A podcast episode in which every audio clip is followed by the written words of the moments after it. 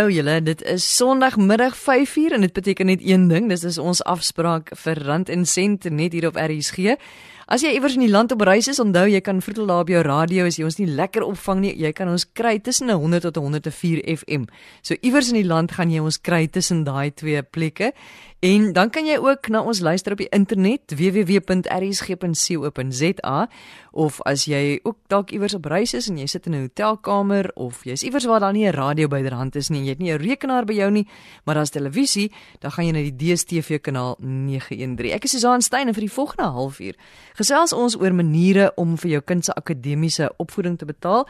Julle sal onthou verlede week het ek 'n vraag van 'n luisteraar ehm um, vir ons almal gespeel en ek wil net baie dankie sê vir al die finansiële adviseurs wat ingeskryf het om ons daarmee te help. Almal kan gerus hierna luister want dit gaan nie net oor geld wegsit vir jou kind wat oor 18 jaar wil gaan studeer nie. Dit gaan ook vir enige een van ons wat graag geld wil spaar uh, vir die toekoms want daar's baie belangrike wenke um, en miskien gedagtes sodat jy 2 en 2 bymekaar kan sit oor maniere hoe om te spaar en wat miskien beter is en wat slegter is. Dan gaan ons ook kyk na die wyndrywe oessyfers vir 2016. Dis die afgelope week bekend gemaak en um, daar was 'n aansienlike daling in die totale wyndryfoes. Vir jaar is dit 6,7% kleiner as verlede jaar, dis nou as gevolg van die droogte toestande. So ons gaan kyk ja, hoe beïnvloed dit ons? Hoe beïnvloed dit die wynbedryf en wat beteken dit vir die bedryf en ons as verbruikers oor die langtermyn of miskien vir die volgende jaar of twee? Maar ons begin met ons luisteraars vraag. En voordat ons begin wil ek net weer sê, stuur vir my julle vrae in want uh, ons kry kenners in en dan gaan ons kyk hoeveel van julle vrae ons kan beantwoord. En uh, dit sal net interessant wees om ook te sien wat is julle ervaring van van julle finansies, miskien krisisse wat jy gehad het en hoe jy dit te bowe gekom het, miskien wenke wat jy vir ander luisteraars kan gee vir ons almal oor hoe ons ons finansies beter kan bestuur en uh, meer geld kan spaar. Andrew Griesel is van Proverto Health and Risk Management. Hulle is daar in Somerset Wes of of hy is in Somerset Wes en hy is nou vandag hier by my in die ateljee en ons luisteraar wat die vraag ingestuur het is Kaal Mentor. Kom ons luister gou wat hy wil weet. Wat is die beste opsie vir my kind se educational plan? My dogter is nou 3 jaar oud. Ek het 'n polis uit op die oomblik, my educational policy wat vir haar universiteit te stuur vir 3 jaar en dan 'n jaar vir haar honors ook betaal en dit betaal ook vir on-campus verblyf ook as ek en my vrou wegval en sy's nog op skool dan betaal dit nog steeds vir haar skoolfees op die skool wat sy is. Ek wil weet wat beter is vir my om aan te gaan met die spaarplan. Dit is 'n goeie plan, klink soos 'n goeie plan ja, maar ek wil net weet is dit meer veiliger om die geld te vat in 'n bankrekening te sit en ook daai rente te kry bymekaar te maak elke jaar. Andrew, jy het al geluister na Karl se vraag, die eerste gedeelte. Hy wil weet wat is die beste manier of hy het hierdie polis uitgeneem. Die kind is 3 jaar oud. Hy het hierdie polis uitgeneem. Hy betaal R800 'n maand, R500 vir polis, R300 vir risiko. Ehm um, as en sy vrou sterf, dan word die kind se skoolfooie betaal. Is dit die regte polis of moet hy eerder die polis kanselleer en die geld en rente iewers anders spaar? Eerstens, is dit die regte polis? Sjoe, dis 'n loaded question. Ehm um, want 'n ou wil onmiddellik net die kort antwoord gee. Die uh, wat ek sal begin om te sê is ons glo nie dat jy risiko en ehm um, spaar moet meng met mekaar nie die R800 'n maand die R800 'n maand word opgebreek tussen 300 vir risiko en R500 vir spaar. So as hy oor 15 jaar van nou af nog leef, gaan hy net groei gekry het op R500 'n maand, nie op R800 'n maand nie. En dis baie keer waar mense na hulle opbrengs gaan kyk en sê, weet jy wat, ek het R800 'n maand weggesit en hulle haal hulle sakrekenaars uit en sê maar jy's ek het ek het 100 000 rand inbetaal in hierdie produk en uh, uh, maatskappy X Y of Z gee vir my 90000 rand terug en dan is hulle baie ontevrede. So ons dink hou jou risiko eenkant, met ander woorde voorsien vir jou familie as jy te sterwe sou kom en hou die beleggings vir jou kind apart. Dit klink vir my asof hy lus is om daai polis te kanselleer, die geld te vat en dit eerder te gaan belê in 'n plek waar hy rente kry en belê op rente, belê op rente. Wat sê jy daarvan sê? Kyk, mense moet verstaan dat ons het beperkte inligting oor hierdie spesifieke polis. So tipies sou ek wil weet wat is die onderliggende fondse want ons praat hier van 'n 15 jaar termyn vir die dogtertjie moet universiteit toe gaan of na skool se opleiding kry. So ons sou outomaties gedink het jy moet relatief aggressief of jy kan relatief aggressief belê tipies in aandele en eiendom wat vir jou oor die lang termyn die beste opbrengs behoort te gee. So dit is baie moeilik om te weet hoe sy bestaande polis op die oomblik lyk, maar alles in ag genome dink ons daar's beter alternatiewe um, uit 'n koste oogpunt uit. As jy gaan kyk na die polis dokument en ek het nou nie spesifieke polis dokument onder oog gehad nie, maar die catchphrase dink ek wat wat daar vir hom uit 'n verkoopsoogpunt uit aantreklik gelyk het is die feit dat oor die as ek iets oorkom dan is my kind ten minste verseker van 'n van 'n naskoolse kwalifikasie. Maar as jy na na waarskynlikhede waarskynlikhede gaan kyk, Ehm um, ek weet nie hoe oud Kaal is nie, maar hy klink vir my relatief jonk. So wat is die waarskynlikheid dat Kaal oor 15 jaar van nou af nie meer met ons is nie? So daai waarskynlikheid is waarskynlik baie groot hè. En dan is daai uh baadjie wat aangetrek is vir hierdie uh, produk om dit te verkoop is eintlik nie meer van toepassing nie. Dan gaan Kaal net kyk na wat betaal hierdie polis vir my uit en as hy dan nie som gemaak gaan hy waarskynlik ontevrede wees. Waar as hy die twee behoeftes geskei het van die begin af, dan gaan hy na sy lewensversekering kyk en sê maar dit was nou 'n mors van geld nie, want dit is soos versekerings op jou kar. Ehm um, jy dit is vir die geval waar iets verkeerd loop. Die behoefte rondom sy kind is baie pertinent vir studies en dit is wat my aanbetref 'n aparte aparte voorsiening. Kom ons luister gou na die tweede deel van sy vraag. My ouers het ook vir my 'n uh, uh, studeer polis uitgehaal, maar dit het nie so lekker uitgewerk nie. Daar was baie small print en op die einde van die dag het hulle amper niks gekry vir my spaarplan nie.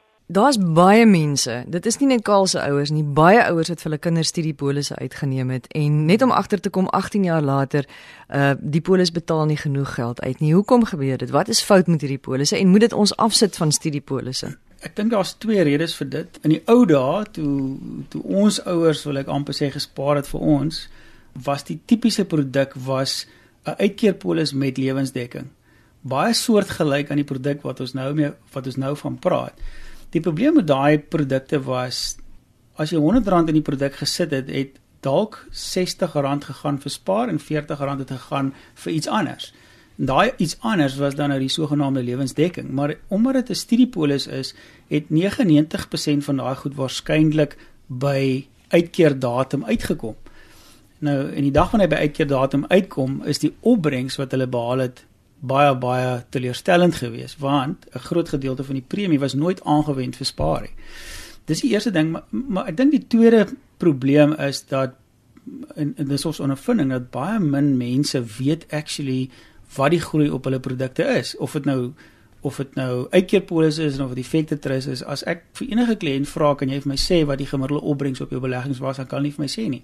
Jy weet, so as jy as jy jaarliks jou adviseur sien en na 3 of 4 jaar kom jy agter jou polis se opbrengs is 1%, gaan jy verseker nie daarmee aangaan nie. Maar mense het vir 20 jaar met hierdie goed aangegaan en as hulle geweet het wat die opbrengs was, sou hulle waarskynlik nie. Iets oor die koste van fooie, want dit is iets waarna mens definitief moet let. Uh en die fooie rondom polisse is baie meer as 'n as 'n spaarplan iewers, is dit nie? In ons ondervinding is dit, ehm um, daar's daar's 'n paar mense wat waarskynlik van my sal verskil, maar wanneer ons die ontledings doen en wanneer ou begin dieper grawe en al die die geraas uithaal uit die prentjie uit, dan kom ons maar altyd by dieselfde slotsom en dit is dat jy 'n 1 of 'n 2% ekstra betaal aan kostes die oomblik as jy deur 'n versekeringsplatform gaan. En blote logika behoort dit eintlik vir jou te bevestig. Ek meen uit die aard van die saak, hoe meer mense moet eet van die maaltyd, hoe meer hoe meer vet moet daarin wees. So so ons dink dit maak sin om dit eenvoudig te hou uh, en vir daai rede verkies ons direkte beleggingsplatforms. So jy weet presies waarvoor jy betaal en jy kan dit gaan beoordeel. Terwyl op die versekeringsplatforms is dit baie keer nogal moeilik om die kostes te kan identifiseer. Nou wat sê jy, wat is volgens jou die beste manier om vir jou kind se opleiding eendag te spaar? Ek het die kinders hier, maar ek kan miskien my broer as 'n voorbeeld gebruik. Ehm um, ons het vir hom toe sy kindertjies klein was, beleggingkies oopgemaak by 'n direkte fondsbestuurder in plaas van deur 'n platform. Hy het maandeliks daaraan gespaar. Ons het nommer 1 die somme gaan maak om te sê maar hoeveel moet jy spaar om genoeg geld te hê sodat hulle kan gaan studeer. En om jou idee te gee vandag sy sy dogter is nou eerste jaar universiteit en sy het meer geld in na 'n na rekening as wat sy sou nodig hê vir 4 jaar se studies. So uh, jy weet en, en die lank en die kort daarvan is maar net die twee belangrike goed, die drie belangrike goed is ons het 'n platform gekies met lae koste, so ons het ons kanse vir 'n beter netto opbrengs verbeter. Die tweede ding is ons het die somme aanvanklik reggemaak. So ons het vir mekaar gesê wat gaan dit kos? Ons moet soveel wegsit en hy het hy het commit daartoe om dit te doen en hy het dit gedoen. En die derde ding is ons het daai groei gemonitor. So ons het gereeld vir mekaar gesê ons aanname was dat ons 12% of 13% gemiddelde opbrengs moet kry om hierdie doelwit te behaal. Ehm um, en ons kon dit meet. En dan raak dit ek meen dit is finansiële beplanning. Uh, om 'n polis te koop by iemand net omdat hulle vir jou sê dis 'n wonderlike produk is nie finansiële beplanning nie. Met ander woorde wat jy sê is dit is dalk nie 'n slegte idee om so 'n polis te kanselleer en 'n ander spaarplatform te kies nie. Ja, ek meen jy weet of wanneer weet jy ek gaan hierdie polis van my kanselleer want ek gaan eerder op 'n ander manier spaar, 'n beter manier. Jy kan dit nie weet voor jy nie die somme gemaak het nie. So weer eens ons klink nou soos wiskundiges, maar alles draai maar rondom die somme en ou moet die som gaan maak. Um ons doen gereeld daai som om te sê produk X het 4 of 5% kostes, produk Y het 2% kostes. As ons aanneem ons belê in dieselfde fondse, hoe lank gaan ons in produk in produk X moet belê om die kostes op te maak wat ons verloor in produk Y. So dis 'n som wat jy kan maak en ek en ek sal voorstel om die som te maak want hy het 15 jaar oor. Maar ek sou nie graag 15 jaar in 'n produk wil belê net om aan die einde daarvan agter te kom dit was 'n swak besluit nie. Andrew Griesel van Preverte Health and Risk Management. Baie dankie Karl ek hoop ons het jou vraag beantwoord. En as enigeen van julle wenke het of uh, self so ervaring gehad het stuur asseblief vir my 'n e-pos. Dit is mos nou 'n finansiële program so jy mag maar stywers in die armbeers gooi. Die e-pos adres is rsg@randencent@gmail.com rsg@randencent@gmail.com Jy is ingeskakel op RSG. Ons is besig met Rand en Sent. Ek is Susan Stein en jy kry ons 100 tot 104 FM of op die internet rsg.co.za of jy kan ook luister as jy nou net 'n televisie byderhand het op die DStv kanaal 913. Vroeger die week het julle seker in die nuus gehoor dat die jaarlikse wyndrywe oessyfers bekend gemaak is. En volgens die wynprodusente organisasie Winpro sal die totale wyndryf oes vanjaar 6,7% kleiner wees as verlede jaar. François Viljoen is Winpro se bestuurder van konsultasiedienste en hy sê die droogte en hoë temperature is verseker die groot oorsake hiervan. Ook sê hy dat die droogte nie net vir jare uitwerking gaan hê nie, maar ook vir 'n volgende paar oeste wat nog gaan kom. Uh, Heeltemal reg so. Miskien moet ek net ook hier onderskei dat ons daar gewellige groot verskille tussen wynstreke was. Die grootste afname produksies was maar uh, rondom die kusstreke hier van Darling af Wellington, Parel, Stellenbosch, uh allangs die kus af Elgin. Daar was die grootste afnames, maar as jy meer binneland toe gaan na die Robertson en Woester areas en die Klein Karoo het hulle eintlik weer goeie oeste gehad. Daar was tot toenames in die oes op vir die jaar. En dit het maar net gegaan oor die die reënpatrone en hoe die beskikbaarheid van besproeiingswater was. Ons sal nie groot probleme natuurlik hê waar daar genoegsame water was nie, maar in die kusstreke van Stellenbosch, Parel, Wellington sal daar 'n soort van 'n oordrag effek plaasvind want die wingerde het maar swaar getrek en jy verloor maar reserves in die proses. So ons verwag daar ook dat volgende jaar nog 'n effek kan hê, maar dan net die wingerdplant is eintlik 'n woestynplant en dit het 'n ongelooflike vermoë om te oorleef en te herstel. So dit maak baie keer ons vooruitskattings en ons voorspellings ook nie altyd so hulle so goed effek het nie. François verduidelik hoe hierdie kleiner oessyfer die bedryf gaan raak. Eerstens op die produsente vlak dit 'n gevoelige slag vir die produsente wat reeds finansiëel swaar trek al die afgelope klompie jare en 'n kleiner oes beteken maar net laer inkomste teen uh, al die selle uitgawes wat hulle moet maak om die oes ryp te maak. So vir op produsente vlak is dit 'n gevoelige slag. In die bedrywe geheel weet ons dat ons in 'n in 'n 'n bietjie van 'n surplus situasie is. Met ander woorde is maar wêreldwyd op te veel wyn en sal ons help om 'n bietjie van ons voorrade ontslae te raak en miskien die vraag aanbod situasie meer in balans te bring so op op groter skaal is dit miskien tot 'n mate goed vir ons wynbedryf maar op produsente vlak binne die hele vlak uh, uh, meer gevoelige uh, verliese en, en miskien nog meer agteruitgang van finansiële posisie. Fransos sê dit kan natuurlik ook 'n groot invloed op plaaswerkers en ander mense hê wat van die wynbedryf afhanklik is vir 'n inkomste verliese inkomste en en verdere verswakking van hulle finansiële posisie sal hulle sekerlik besluite moet neem oor hoe hulle hierdie saak weer gaan beredder en regtrek. En dan is alle uh, koste aspekte is in gedrang waaronder arbeidsrekening dan ook. So uh, uh, mensel dis seker nie ongeskei dat die plaaswerkers of dat dit 'n totale bedryfsprobleem gaan wees maar seker in die hele plase sal sal dit ongelukkig dalk 'n invloed hê.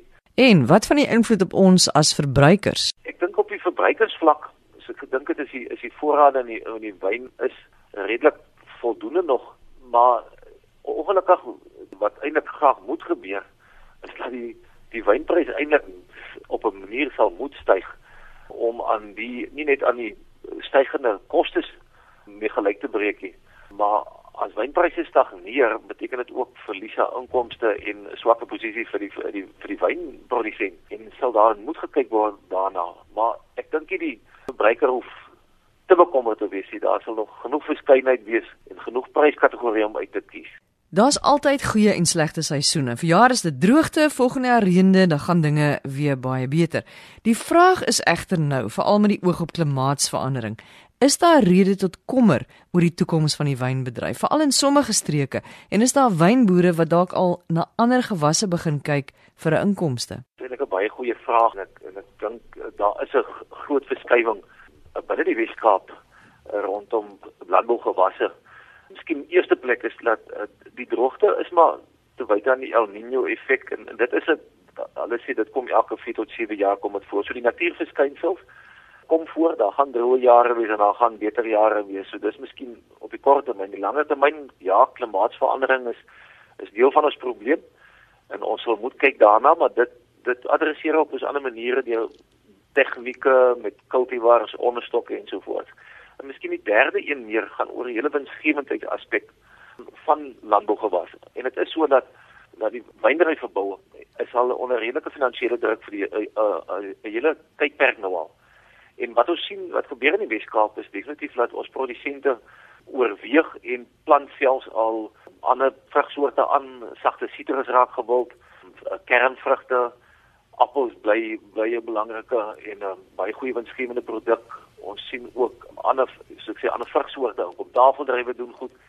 So die produsente is besig om te meer te diversifiseer na ander bedryfstakke toe en en minder wynrywe te plant.